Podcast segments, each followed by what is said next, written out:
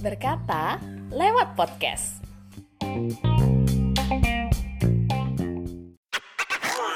Menurut kamu istimewanya Yogyakarta itu apa? Yogyakarta itu penuh dengan kenangan manis. Yogyakarta itu ramah. Ramah masyarakatnya, ramah suasananya, ramah lingkungannya, ramah juga harga makanannya. Yogyakarta itu bukan kotanya, tapi orang-orangnya yang ditabur bersama rindu dan dituai bersama cinta. Aku rindu dengan teman-temanku. Jadi sedikit cerita tentang pengalaman istimewa di Yogyakarta.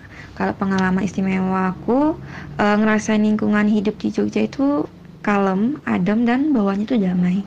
Terus dapat teman-teman yang berasal dari berbagai daerah. Jadi walau kita beda agama, ras dan suku, pastinya lah ya. Tapi kita tuh solid dan kekeluarganya tuh dapat gitu.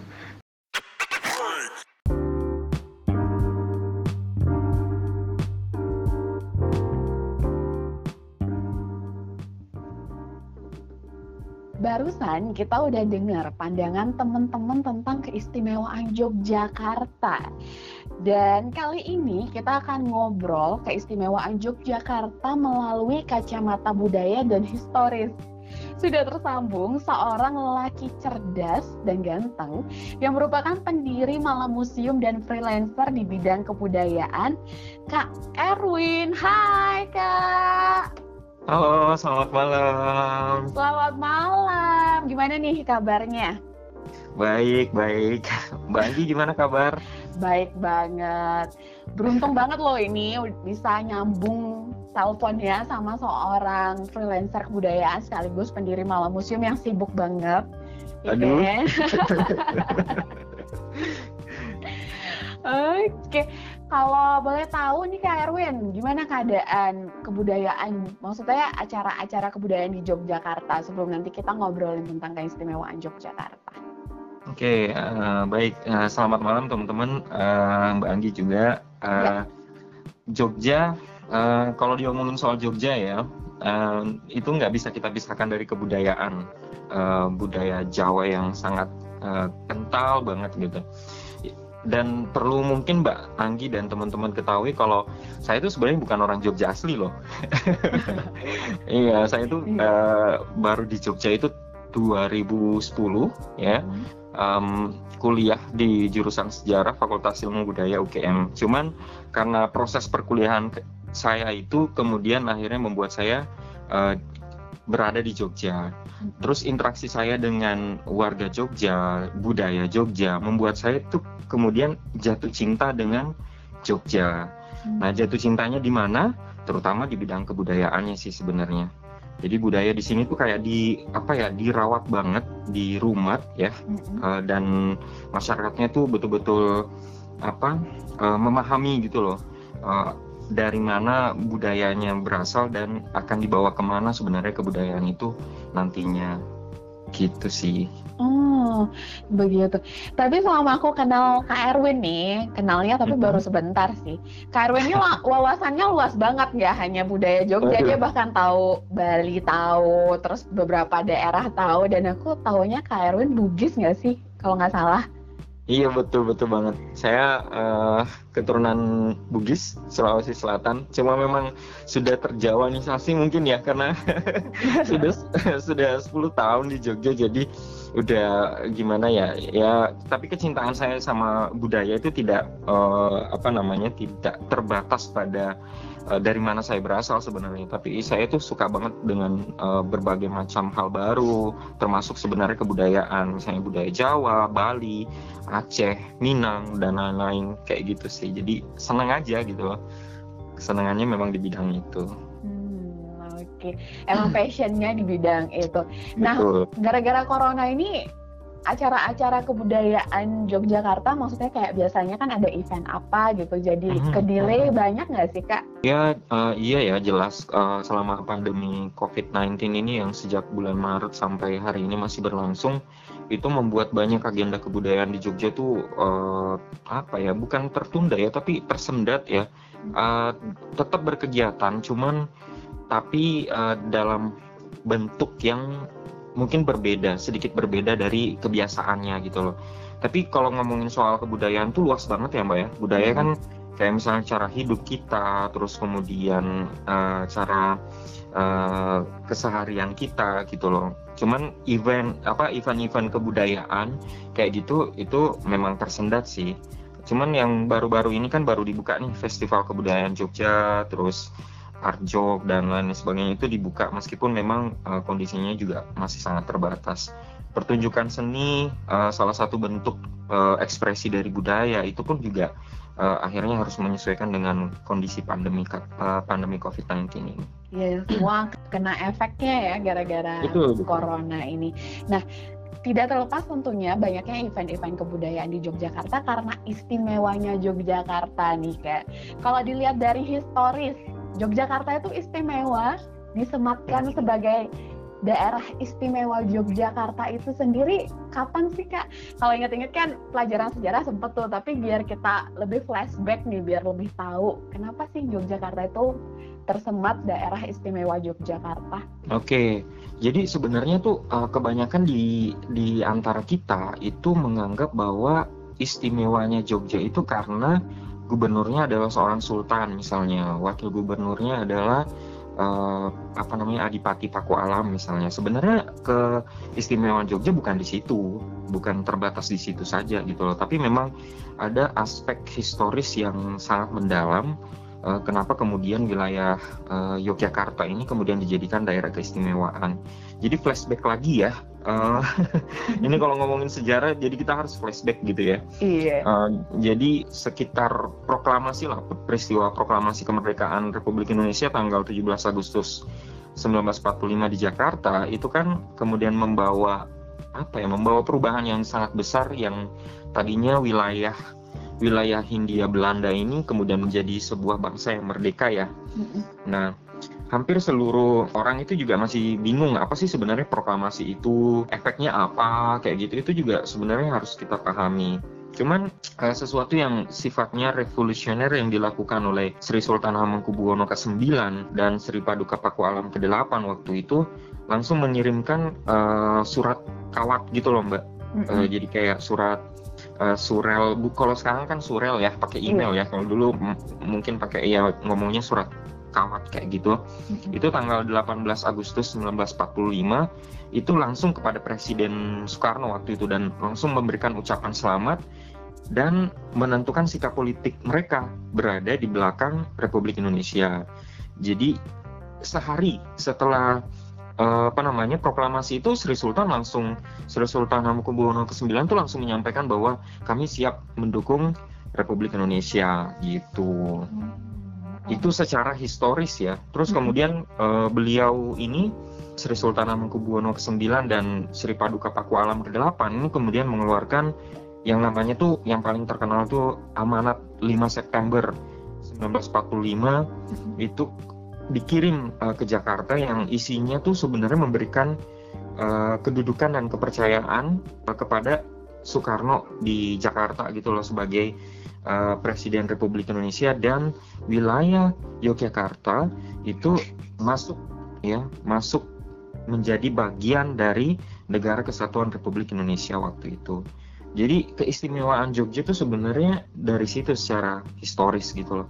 Belum ada uh, apa namanya belum ada pemimpin-pemimpin tradisional ya istilahnya pemimpin tradisional itu kayak raja-raja gitu ya mbak ya. Yang kemudian memberikan respon yang sangat cepat gitu loh terhadap proklamasi uh, salah satunya itu adalah Sri Sultan Hamengkubuwono ke-9 dan Sri Paduka Paku Alam ke-8. Makanya waktu itu akhirnya uh, Presiden Soekarno juga uh, memberikan ini, memberikan apa ya semacam piagam gitu loh, piagam kepada uh, Kesultanan Yogyakarta dan uh, Kadipaten Paku Alaman itu menjadi wilayah yang istimewa gitu loh di uh, negara kesatuan Republik Indonesia. Secara historis seperti itu singkatnya. Oh, keren berarti Yogyakarta dari awal udah komitmen ya untuk Indonesia. Betul. Betul, betul banget. Tuh, jadi itu awalnya kenapa sih bisa disebut daerah istimewa Yogyakarta. Jadi nggak hanya budayanya, budayanya pasti istimewa, tapi kita juga perlu tahu historisnya apa nih supaya kalau ada orang luar nanya ke kita, kita nggak yang gitu. Iya, betul. Jadi nggak terbatas, nggak terbatas karena kemudian gubernurnya adalah sultan gitu kan, atau wakil gubernurnya adalah uh, Paku Alam gitu. Tapi secara historis memang seperti itu. Nah, terus kemudian diresmikan juga kan uh, melalui secara yuridis ya, uh, karena waktu zamannya Pak SBY itu kan sempat ada rumor nih bahwa Jogja itu uh, harusnya ada apa namanya pemilihan gubernur langsung gitu ya. Mm-hmm. Jadi kayak ada apa ya istilah Jawanya itu kayak ngopiak-ngopiak gitu loh. Keistimewaan Jogja. Akhirnya kemudian uh, para budayawan kita di Jogja uh, bahkan sejarawan di Jogja pun juga akhirnya mengajukan uh, produk undang-undang. Makanya terbitlah sebenarnya Undang-Undang Keistimewaan nomor 13 tahun 2012. Nah, itu di situlah yang kemudian semakin menguatkan posisi keistimewaan uh, eh, DIY hmm. di mata hukum negara kesatuan Republik Indonesia gitu. Wah, keren banget nih Yogyakarta dari segi budaya udah, dari segi historis juga udah ya. Nah, mm-hmm. kalau tadi dari segi historisnya kan sudah dibahas oleh Kak Erwin soal bagaimana komitmennya Yogyakarta terhadap Indonesia.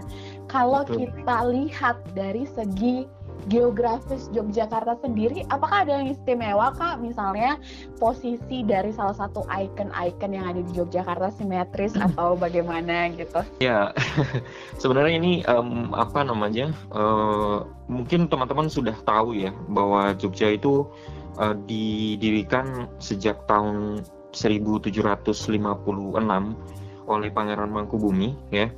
Uh, ini historis lagi nih yang kemudian akhirnya bergerak, bergelar sebagai Sri Sultan Hamengkubuwono pertama itu kemudian membangun uh, ibu kota kerajaannya uh, yakni Yogyakarta itu dengan tidak main-main sebenarnya. Jadi ibu kota itu betul-betul disusun dan dirancang sangat rapi, sangat filosofis, uh, sangat uh, apa ya?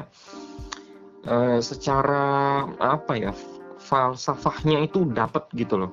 Jadi ada istilah uh, sumbu uh, imajiner, garis imajiner dan sumbu filosofi gitu loh.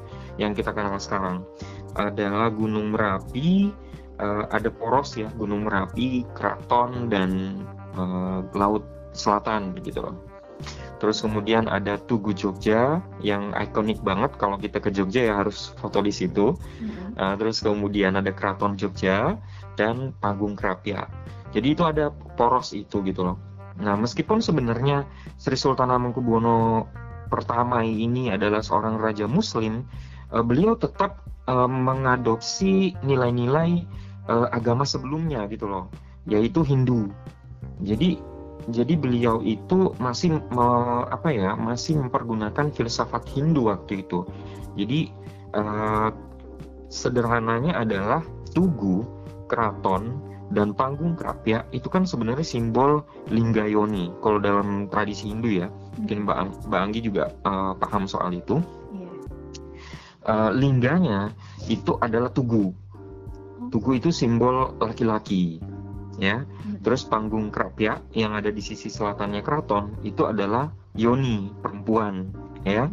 Nah, bersatunya antara laki-laki dan perempuan itu menciptakan ya tentu saja anak ya. Anak itu adalah simbol kesuburan, simbol kesejahteraan ya, simbol anugerah dari Tuhan kayak gitu. Jadi bersatunya Tugu, Tugu Jogja dan panggung Kerapia itu adalah Keraton Yogyakarta. Nah, Keraton Yogyakarta itu diharapkan memberikan kesejahteraan bagi seluruh masyarakat yang ada di wilayah Kesultanan Yogyakarta gitu. Hmm, keren secara, ya. Iya, secara secara uh, tata kota tuh seperti itu. Itu itu belum lagi ngomongin soal filosofi kayak misalnya uh, Sangkan Paranindumadi itu waduh panjang banget ya sebenarnya uh, beliau ini kemudian membangun apa ibu kota kerajaannya gitu loh. Sangkan Paranindumadi itu karena orang Jawa ya. Uh, itu punya pikiran seperti ini Mbak Anggi dan teman-teman. Uh, dari mana dia berasal dan ke mana dia akan kembali jadi perjalanan uh, dari mana kita berasal itu dimulainya dari panggung kerapia. Uh, simbol yoni itu tadi perempuan. Jadi manusia itu kan lahir dari rahim perempuan ya. Ya terus kemudian perjalanan menuju ke keraton itu perjalanan dari bayi menuju ke remaja. Terus nanti dari Tugu Jogja menuju ke keraton itu adalah perjalanan manusia dewasa yang akan kembali kepada penciptanya. Jadi itu filosofinya dapat banget. Nah itulah yang kemudian membuat Jogja itu juga istimewa dari segi arsitektur tata kota gitu loh. Nggak hanya nggak hanya secara historis nggak hanya secara kebudayaan tapi arsitektur tata kotanya juga betul-betul sangat istimewa. Nggak ada di dunia ini ya padanannya gitu loh. Yang uh, arsitek sebuah kota itu yang mengandung filosofi yang uh, sangat mendalam gitu Hmm, begitu. Berarti apakah ada peraturan kak yang misalnya ada bangunan yang mengganggu, maksudnya kayak jadi tata letaknya itu kayak seperti jadi Mhm. terganggu gitu apakah ada peraturan daerah yang mengatur bangunan tidak boleh seperti ini untuk tidak melewati arsitektur si bangunan yang lokasinya secara falsafah bagus ini Oke, mungkin uh, Mbak Anggi dan teman-teman uh, pernah dengar uh, nggak boleh ada gedung yang tinggi daripada keraton gitu ya. benar-benar Mungkin pernah pernah dengar yang kayak gitu. Cuman uh, perlu teman-teman pahami bahwa yang tidak boleh uh, melebihi tinggi keraton. Keraton ini dalam arti Siti Hinggil ya. Siti Hinggil itu tempatnya Sultan dilantik. Jadi seorang sultan dilantik itu disebut Siti Hinggil. Ada bangsal di atas paling tinggi ya. Siti Hinggil itu uh, dari bahasa Jawa, uh, Siti itu tanah, Hinggil itu tinggi. Jadi tanah tinggi. Jadi di dalam tembok temboknya keraton ya, tembok Baluarti ya, tembok yang mengelilingi keraton Jogja itu nggak boleh ada bangunan yang melebihi tinggi Siti Hinggil. Nah, tapi di luar dari tembok Baluarti, temboknya keraton itu boleh sebenarnya. Makanya kan kita sekarang sudah bisa melihat banyak bangunan-bangunan yang tinggi ya, berlantai eh, mungkin belasan lah kayak gitu di Yogyakarta. Itu alasan yang pertama sih kalau di dalam tembok keraton kenapa kemudian nggak boleh ada gedung tinggi. Yang kedua, pada masa kolonial. Jadi pada masa kolonial Hindia Belanda ya, pada masa penjajahan Belanda itu eh, orang Belanda tuh nggak terlalu peduli mbak, bahkan kemudian eh, pengen memisahkan eh, masyarakat Jogja itu dengan kebudayaannya, dengan rajanya gitu loh. Pengen pengen membuat kita tuh terpisah dari raja gitu loh. Makanya kemudian dia membangun banyak bangunan di seputaran Malioboro, di titik nol, bangunan yang eh, terlihat itu lebih tinggi daripada Siti Hinggil. Itu periode yang kemudian akhirnya membuat eh, Jogja itu sedikit berubah gitu loh tata kotanya. Nah, yang terakhir adalah terkait dengan keberadaan bandara di Sucipto atau Bandara Maguwo. Ya, Bandara Maguwo kan di kota ya. Posisinya di betul-betul di dalam kota Jogja. Jadi eh, tidak ya sedapat mungkin tidak ada gedung tinggi yang eh, dibangun di sekitaran kota Jogja yang bisa menghalangi proses pendaratan maupun penerbangan pesawat kayak gitu. Itu sih yang perlu eh, teman-teman pahami sih. Oh. Oke, jadi ada pengaruh si Belanda juga ya, makanya kan Betul. sempat yang kok di tengah-tengah ada Malioboro, ada macam-macam kan jadi kayak padahal udah dibangun secara rapi seperti itu secara arsitektur tapi malahan jadinya kayak gitu gitu tapi supaya masyarakatnya pecah mungkin maksudnya ya. Iya betul betul banget. Oh, oke. Nah, begini Kak, agak subjektif sih. Kan Kakak udah lama banget nih di Yogyakarta, seorang perantau kan. Nah, dan udah keliling Yogyakarta pokoknya kalau sama Kak. Udah jadi udah jadi warga Jogja juga sih sebenarnya. Oh iya, Bantul, Gunung Kidul atau Sleman? Kota, kota, kota Jogja. kota, kota Jogja malahan. Kalau aku Bantul, aku Bantul. Orang. Bantul aku. Nah, em, jadi kalau sebagai orang Jogja nih, kalau Mhm. merekomendasikan tempat paling favorit atau istimewa di Yogyakarta, subjektifnya yang ini ya kak bukan kenangan sama seseorang loh, tapi Wih. istimewa gitu, emang istimewa gitu. gitu. Nah itu di mana sih kak? Kalau biasanya kan kalau mahasiswa itu lebih cenderung Mhm. ke Museum Ulen Sentalu gitu kan. Oke, Kalau anak nongkrong itu lebih seringnya ke Malioboro. Malioboro. Iya betul. Nah sebagai seorang yang cinta banget sama budaya Jawa nih, kakak pilih di mana nih yang kira-kira tempat paling istimewa di Yogyakarta secara subjektif menurut kakak?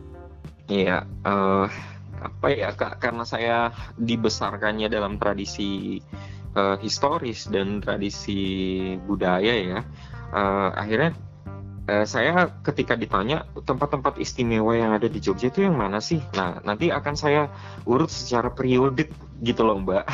Wah, Teknis suka banget ya. Nggak apa-apa. Malah kita saat nanti ditanya sama orang luar, kita banyak ilmunya gitu ketimbang. Oke.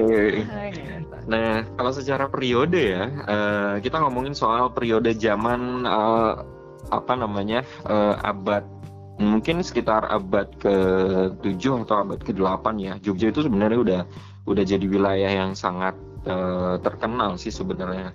Eh, dibuktikan dengan berdirinya Candi Prambanan, terus kemudian Keraton Ratu Boko dan beberapa candi yang ada di sekitaran eh, Prambanan gitu loh. Jadi secara historis eh, kita bisa menariknya di sana gitu loh. Jadi kawasan kalau dalam bahasa bahasa apa ya puitisnya ya eh, daerah Prambanan itu disebut lembah para dewa gitu loh mbak. Jadi wilayah Jogja itu memang eh, sangat sangat eh, apa ya sakral lah istilahnya eh, dalam eh, tradisi Jawa gitu loh. Sehingga kemudian akhirnya eh, didirikan banyak bangunan monumental di sekitaran Prambanan itu. Itu yang pertama. Hmm. Terus yang kedua ngomongin soal dari mana sih asal usul eh, keraton Yogyakarta itu sendiri gitu loh. Nah nanti kita akan merunut pada kerajaan Mataram Islam yang didirikan sekitar eh, abad ke-15 atau abad ke-16 lah kayak gitu. Itu nanti teman-teman bisa kunjungi di Kota Gede. Nah, Kota Gede itu eh, awal atau cikal bakal dari eh, berdirinya kerajaan Mataram Islam yang kemudian akhirnya pecah menjadi dua antara Solo atau Surakarta dan Yogyakarta. Jadi itu itu kita beruntung gitu loh bahwa eh, wilayah eh, tempat lahirnya eh, leluhur eh, masyarakat Jogja itu adalah Kota Gede dan wilayahnya ada di Jogja gitu. Dan yang terakhir tentu saja ya Keraton Yogyakarta dong sebagai pusat kebudayaan ya sebu- eh, pusat patronnya budaya Jawa terutama di wilayah Jogja itu ya Keraton Jogja. Jadi tempat-tempat itu sih yang eh, bagi saya itu betul-betul eh, punya nilai-nilai yang sangat istimewa sih buat eh, warga Jogja dan bagi saya juga yang akhirnya memilih untuk menetap di Jogja. Gitu. Hmm. Oh iya tadi tadi sempat kesebut Prambanan kak. Nah Mhm. aku punya ibu guru SD, ibu guruku eh guru SD ku tuh selalu bilang Prambanan itu di Jawa Tengah, enggak Prambanan itu di Jogja. Nah ini tuh gimana sih kak? Ini kan selalu jadi dilema kan dan di soal UN zaman dulu ujian akhir itu selalu keluar kadang-kadang kan jadi kayak siswanya tuh bingung ini yang benar yang Jawa Tengah atau yang Yogyakarta atau Jawa Tengah Jogja itu termasuk Jawa Tengah padahal enggak gitu. Oke. Gimana nih kak? Menarik, menarik sebenarnya pertanyaannya. Eh, kalau ngomongin soal Candi Prambanan, eh, sebenarnya, sebenarnya wilayah Candi Prambanan itu sendiri karena dia berada di sisi timur Kali Opa ya, kalau nggak salah Kali Opa, itu kan sebenarnya menurut perjanjian eh, Giyanti yang membagi kerajaan Mataram Islam menjadi dua antara Surakarta dan Yogyakarta, itu disebutkan bahwa batas wilayah Surakarta dan Yogyakarta adalah Kaliopa. Nah, sebenarnya Prambanan itu masuk wilayah seharusnya ya, seharusnya masuk wilayah Jawa Tengah. Gitu. seharusnya gitu. Cuman eh, waktu itu karena Indonesia sudah merdeka, eh, akhirnya mungkin eh, ya ini mungkin perkiraan saya juga sih sebenarnya dan ini harus dilacak lagi secara historis. Eh, kemungkinan besar eh, Sri Sultan Hamengkubuwono ke-9 itu menghendaki bahwa kalau Jawa Tengah itu sudah punya Borobudur di Magelang, Mm-mm. ya Jogja harus punya yang monumental dong.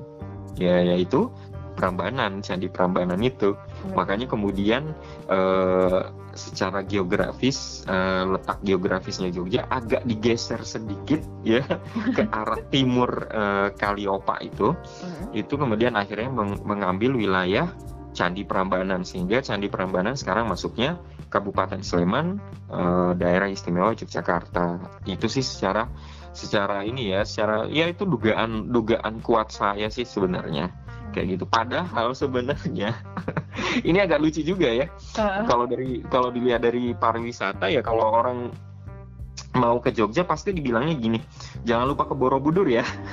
padahal padahal Borobudur nggak di Jogja gitu loh. Orang Magelang tuh marah-marah gitu loh. Iya. Orang Magelang marah-marah itu kan eh, ma- apa Borobudur kan di Magelang bukan di Jogja gitu loh. Makanya orang Jogja tuh dengan dengan santainya itu, dengan santuy ya bahasa Ah. sekarang itu mengatakan bahwa Borobudur itu sebenarnya punya Jogja, tapi di- dititipkan di Magelang. Lah makanya orang Magelang kayak ya elah. Iya sih, ya benar. Kalau study tour itu mesti Prambanan, Betul, terus Borobudur, terus habis itu kita ke. Malioboro deh muter. Pasti kayak gitu. Betul. Mm-mm, Jadi Terus emang kayak gitu. Tapi itu eh, secara historis juga eh, bisa ditarik eh, ininya Mbak, bisa ditarik akarnya gitu loh. Ternyata memang pada saat eh, pemerintah kolonial Belanda eh, itu mempromosikan pariwisata di Jawa, itu mereka memang menyebutkan Jogja itu Borobudur, Borobudur itu Jogja gitu loh. Jadi nggak salah-salah amat sih orang Jogja itu kemudian akhirnya eh, apa namanya dikatakan bahwa Borobudur itu di Jogja gitu loh, secara historis gitu. Oh, Itu yang banyak kita nggak tahu gitu loh. Oke, banyak belajar nih, jadinya nambah ilmu. Soalnya aku ada perdebatan sama ibuku, ibuku tuh ngotot Jawa Tengah Prambanan itu. Aku bilang Jogja, Jogja, enggak Jawa Iya. Tengah gitu. Jadi kadang-kadang perdebatannya di situ. Terus Borobudur dibilang Jogja karena kan kebiasaannya study tour lewat Borobudur Betul. juga kan, satu paket Betul. gitu, paket pariwisata. Oke oke. Nah kalau tadi kita ngebahas soal ikonnya Prambanan, keraton. Nah, kemudian ada nih kalau Jogja kan punya kebudayaan yang setiap beberapa waktu periode itu diselenggarakan seperti sekaten. Itu kan sebenarnya seremonial kan, bukan pasar malamnya. Kalau pasar malamnya kan itu emang masyarakat yang bikin kan. Iya Nah, betul. Kalau yang paling favorit kayak seremonial yang diselenggarakan oleh Yogyakarta itu yang paling istimewa menurut kakak itu yang mana sih kak? Atau Waduh. semuanya? Pertanyaan tuh ini tuh sulit banget ya. Jadi disuruh memilih itu mana yang kemudian menjadi sangat eh, apa ya menjadi sangat eh, istimewa atau sangat eh, bernilai. Sebenarnya hampir semua eh, seremoni yang dilakukan oleh Keraton Jogja maupun Puro Pakualaman itu sangat eh, sangat eh, apa namanya penuh dengan nilai budaya, nilai historis ya. Eh, tapi yang kemudian bagi saya sih sebenarnya yang eh, kemudian memperlihatkan bahwa eh, Keraton Yogyakarta itu eh, betul-betul memperhatikan masyarakatnya gitu. Tetap meskipun mereka eh, adalah patron ya patron dalam kebudayaan Jawa tapi tetap memperhatikan klien-kliennya ini masyarakatnya ini itu nanti akan terjadi di prosesi-proses prosesi misalnya gerebek Nah, gerebek mungkin eh, gerebek ini Mbak Anggi mungkin tahu ya. Gerebek itu eh, gunungan ya. Eh, a- prosesinya itu ada gunungan yang berisi sayur mayur, terus kemudian eh, bahan pangan, eh, bahkan mungkin ada yang kue-kuean juga, apem dan lain sebagainya yang kemudian diarak menuju ke alun-alun utara dan masjid uh, gede kauman dan akan diperebutkan oleh warga sebagai berkah gitu loh. Sedekah raja kepada rakyatnya gitu loh. Momen-momen itulah yang uh, bagi saya itu uh, sangat uh, apa ya sangat betul-betul bahwa masyarakat itu bersatu dengan rajanya di momen-momen gerbek itu. Uh, jadi ada istilahnya itu golong kilik. Jadi bersatunya antara raja dan uh, masyarakatnya manunggaling kaulo gusti itu yang uh, sering banget uh, mungkin Mbak Anggi dan teman-teman dengar gitu. Nah gerbek ini biasanya diselenggarakan uh, di setiap tahun itu ada beberapa kali. Salah satunya misalnya gerbek uh, apa ya gerbek sawal itu biasanya Idul Fitri. Jadi setelah Lebaran ya Lebaran Idul Fitri itu disebutnya gerbek Syawal, terus kemudian gerbek uh, besar itu untuk Idul Adha. Karena ini memang karena kerajaannya Islam ya jadi mengikuti hari besar Islam. Sama uh, nanti uh, ada gerbek mulut yang uh, apa namanya memperingati hari kelahiran Nabi Muhammad ya. Di biasanya diadakan di Rabiul Awal itu dan bisa dihubungkan dengan sekateng itu tadi gitu.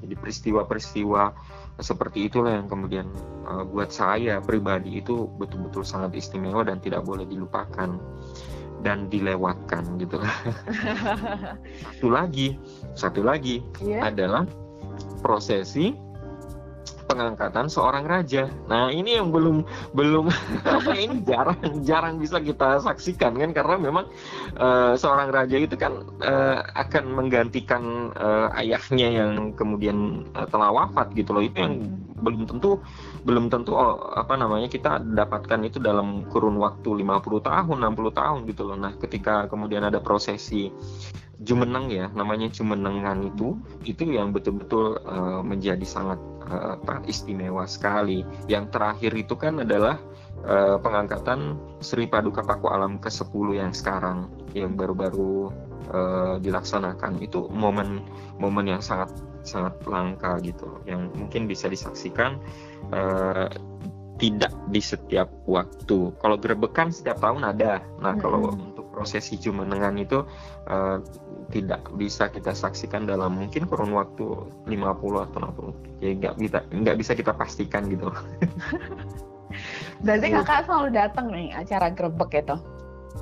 Uh, honestly sebenarnya ya, tapi melihatnya dari jauh ya karena memang penuh dengan kerumunan ya Mbak Anggi ya dan teman-teman itu, waduh itu crowded banget, uh, rebutan gunungan. Uh -uh. Uh, saya juga sebenarnya sempat pengen dapet, uh, pengen juga apa ya istilahnya tuh ngalap berkah ya kalau dalam tradisi Jawa itu pengen dapet ya mungkin uh, apa ya dapat uh, cabe kah dapat apa gitu kan yang dari gunungan itu gitu. Tapi tetap nggak bisa karena memang udah crowded banget dan apa ya ya akhirnya saya cuma menonton dari jauh dan itu betul-betul memperlihatkan bahwa oh raja itu memperhatikan masyarakatnya dan masyarakat itu masih tetap uh, peduli dan apa mendukung Sri Sultan sebagai rajanya, sebagai gubernurnya, sebagai pemimpin mereka tanpa harus ada proses uh, demokrasi kayak misalnya pemilihan uh, umum secara langsung gitu sih. Hmm. Lokasi grebek di mana kak biasanya? Yang bisa masyarakat lihat, maksudnya hmm. kalau yang dengar anak-anak muda nih, misalnya, oh aku mau ikutan grebek nih, nah itu bisa okay. bisa di mana nih lihatnya? Gitu.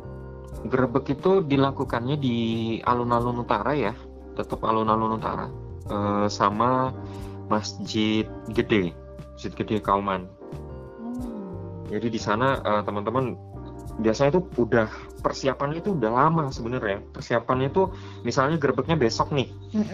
Itu persiapannya itu udah mungkin bisa dibilangnya itu seminggu seminggu sebelum acara itu udah persiapan kayak misalnya uh, pers, uh, pembuatan gunungannya. Nanti kan ada ada ada beberapa gunungan ya. Ada gunungan kakung, ada gunungan macam-macam gitu kalau ngomongin soal gerbek itu.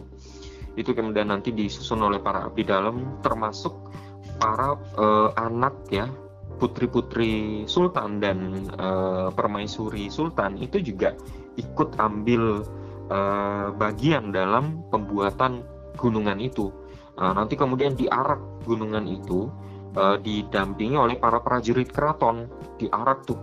Nanti setelah didoa di di doa doakan nah, terus kemudian baru uh, diperebutkan itu terbuka untuk umum uh, pada saat prosesi ngalap berkahnya itu. Jadi kayak pada saat uh, ngambilin si gunungannya itu yaitu boleh terbuka untuk umum. Tapi untuk proses pembuatannya itu yang ngerjain tertutup ya karena memang uh, dikerjakan oleh para abdi dalam.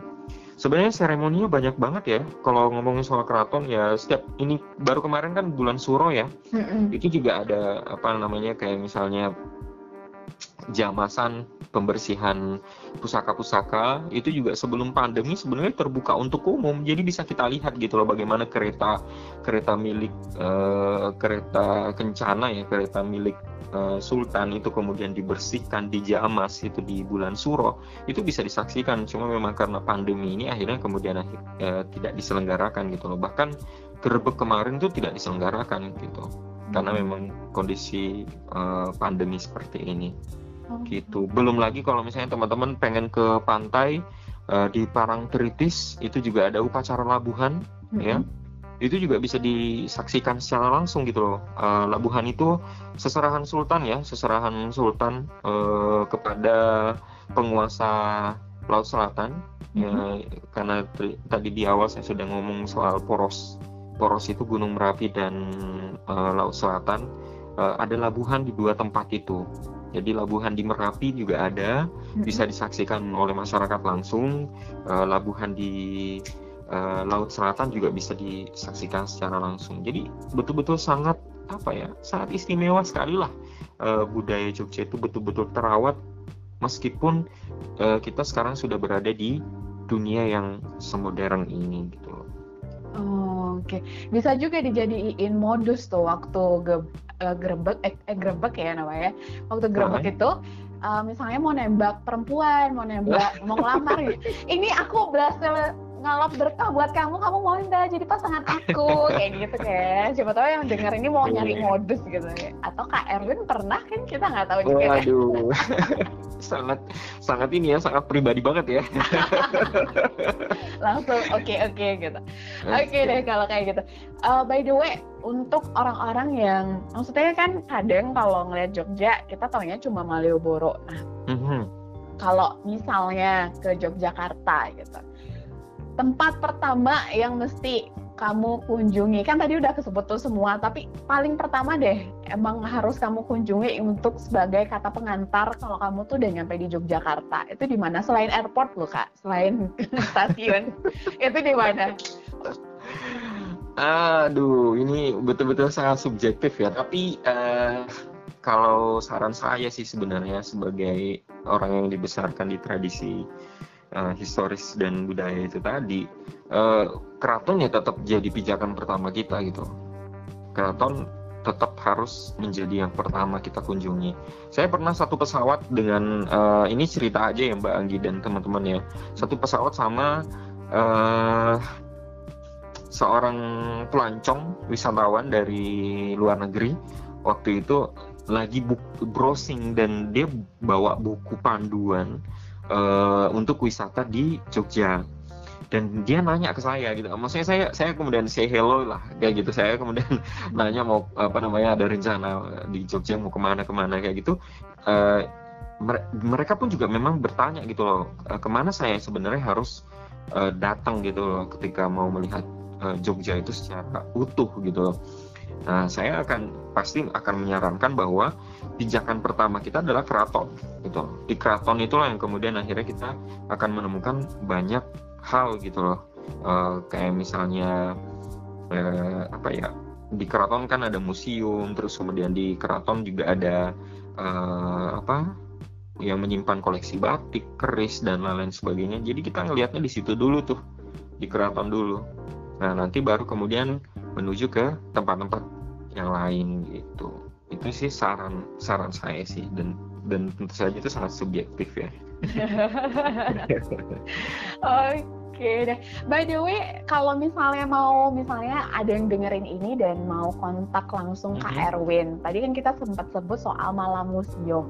Nah, okay. kalau untuk tahu sebelumnya nih malam museum itu apa sih kak? Kebetulan kan ada yang denger nih malam museum itu apa sih kok tiba-tiba ada kak Erwin di sini? Gitu. Bisa dijelaskan dulu nih kak karena sudah selesai menjelaskan iya. Jogja. Jogja uh, malam museum kan adanya di Yogyakarta juga nih. Betul Bisa betul. Pilihan karena program-program malam museum ini bagus-bagus banget. Aku pernah ikutan berkali-kali. Bahkan pernah jadi ini ya, menjadi narasumber ya juga yang bahagia. Oh, masa sih? masa sih? Oke. Okay. Jadi uh, malam musim itu sebenarnya uh, wadah ya, wadah buat teman-teman yang uh, pengen tahu tentang museum, se uh, sejarah dan uh, cagar budaya yang ada di Jogja sebenarnya. Dan itu lahir di ketika saya masih kuliah di jurusan sejarah itu di tahun 2012 dan sampai hari ini udah usianya udah 8 tahun berkegiatan Eh, bentuk-bentuk kegiatannya sebenarnya variatif ya. Itu membuat uh, tujuannya sih sebenarnya tujuan utamanya itu adalah membuat teman-teman tuh uh, senang berkunjung ke museum, senang belajar sejarah, senang belajar tentang cagar budaya karena bagi sebagian orang mungkin uh, melihat buku sejarah yang sangat tebal kayak gitu ya. Uh, yang isinya tulisan gitu tanpa kemudian ada kegiatan yang sangat menarik gitu yang membuat akhirnya sejarah itu membosankan. Nah akhirnya uh, saya bersama teman-teman mendirikan komunitas malam museum ini untuk menghadirkan itu wadah untuk supaya teman-teman uh, mau belajar uh, sejarah tapi dengan cara yang menyenangkan. Nanti ada games, kita berkunjung ke museum, melihat sejarah itu dalam bentuk visualnya, kayak misalnya eh, koleksi-koleksi uh, museum gitu ya, uh, melihat batik, melihat uh, keris, melihat uh, senjata tradisional dan lain-lain sebagainya itu secara visual itu tentu akan sangat menarik uh, bagi sebagian orang daripada melihat secara textbook gitu. Uh, kegiatannya variatif ya, ada ada jelajah malam di museum, namanya malam di museum karena memang malam-malam ya, malam-malam ke museum awalnya. Uh, berkunjung malam hari itu ide idenya sebenarnya sederhana setelah nonton film Night at the Museum itu. Oh yeah. Mbak Agi pernah nonton mungkin ya? Pernah pernah itu ini banget seru banget filmnya. Uh, jadi tapi tapi malam musimnya Jogja itu nggak bikin koleksinya hidup ya kayak di film ya. serem dong kalau kalau sampai hidup itu serem banget. Uh, serem ya. Uh, uh. Uh, jadi kalau kalau wisata wisata museumnya pagi atau siang hari itu main udah mainstream ya kita buat kegiatan yang anti mainstream itu malam hari gitu. Terus kemudian berkembang ada program namanya Kids in Museum itu untuk anak-anak usia 6 sampai 12 tahun uh, beserta keluarganya. Jadi modelnya itu kayak family family uh, ya get ya family vocation lah untuk uh, an ayah ibu dan anak gitu loh. Ketika mereka mau ke museum mereka bingung kan menjelaskan kepada anaknya. Uh, nah malam museum hadir di situ gitu untuk memfasilitasi itu terus ada kelas heritage yang di mana juga uh, kami melakukan riset-riset sejarah ya riset sejarah dan kebud uh, kebudayaan dan cagar budaya di wilayah Jogja hmm. dan kemudian kami sampaikan kepada masyarakat gitu loh melalui tur uh, wisata gitu loh kayak misalnya Kampung Kauman, Kampung Pecinannya Jogja, sejarah Malioboro. Mungkin orang pikir Malioboro itu cuma tempat untuk belanja ya, tapi betul-betul menyimpan uh, apa namanya sejarah yang panjang gitu itu uh, dihadirkan di program itu. Jadi itu sih kegiatan-kegiatannya komunitas sampai hari ini dan peminatnya cukup banyak. Jadi saya tuh sempat berpikir bahwa ada nggak sih orang yang mau belajar sejarah ya?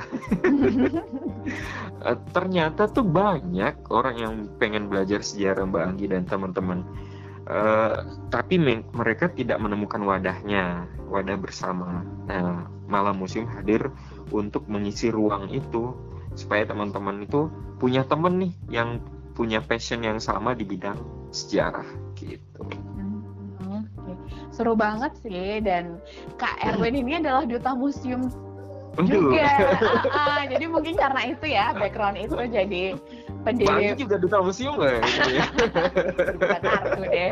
Nah, makanya kan tertariknya sama ini Pak, sama sejarah kan. Oke oke oke. Jadi senang banget sih, senang banget uh, bisa uh, ngobrol uh, sama Mbak Anggi dan teman-teman ya, uh, hmm. ngobrol soal sejarah, ngobrol soal kebudayaan, karena uh, mungkin uh, kita tuh kurang banyak mendapatkan uh, tempat ya sebenarnya sejarah itu. Makanya kemudian kita tuh butuh uh, butuh sering diperbincangkan supaya orang-orang itu uh, apa namanya punya ketertarikan dan akhirnya mengerti tentang asal usulnya sejarah itu kan ngomongin soal asal usul dari mana kita berasal sebenarnya dan hari ini tidak mungkin terjadi tanpa masa lalu gitu. Bukannya kita kemudian susah move on ya. Dalam tanda kutip ya. Enggak, tapi ya kita tetap tetap apa ya? Tetap menghargai apa yang terjadi di masa lalu, uh, kejadian yang kemudian uh, apa kesalahan-kesalahan yang pernah kita lakukan di masa lalu itu jangan sampai terulang lagi di masa sekarang dan di masa yang akan datang. Itu sih fungsinya kita belajar sejarah gitu. Setuju banget sih dan supaya sejarah juga dekat dengan kita. Jadi nggak yang jauh banget saat orang luar tanya kita nggak yang uh, uh, nah itu bahaya banget iya.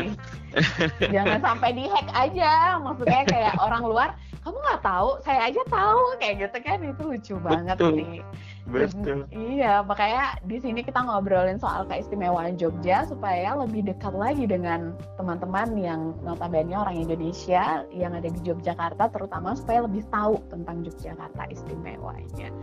Begitu. Terima kasih banget untuk Kak Erwin yang sudah mau dihubungi lewat berkata lewat telepon, lewat telepon berkata lewat podcast maksudnya. Sampai salah saya. Nah, Terima kasih banget ya Kak Erwin. Sama-sama Mbak Anggi, terima kasih banget sudah uh, diundang. Saya merasa tersanjung banget bisa hadir di podcastnya Mbak Anggi dan uh, bisa didengarkan oleh teman-teman juga. Saya juga mohon maaf, mungkin uh, masih banyak sebenarnya hal yang bisa uh, saya sampaikan mungkin karena durasi yang juga membuat kita uh, dibatasi ya. Akhirnya kemudian kita tidak bisa bercerita banyak hal. Nanti kalau pengen tahu tentang Jogja, uh, pengen tahu tentang uh, istimewanya Jogja itu lebih lanjut, nanti bisa lah ngobrol-ngobrol bareng gitu, ngopi-ngopi lah atau ngewedang ya. Saya itu lebih suka wedang daripada kopi ya. Sama wedang jahe favorit banget kalau aku. Betul. Ngilangin ini kan anti corona katanya, jadi kalian gitu kan. Oke deh, terima kasih Kak Erwin. Semoga selalu sehat keluarga amin, dan amin. semoga selalu lancar rezekinya. Terima kasih. Amin, sama-sama Mbak Anggi.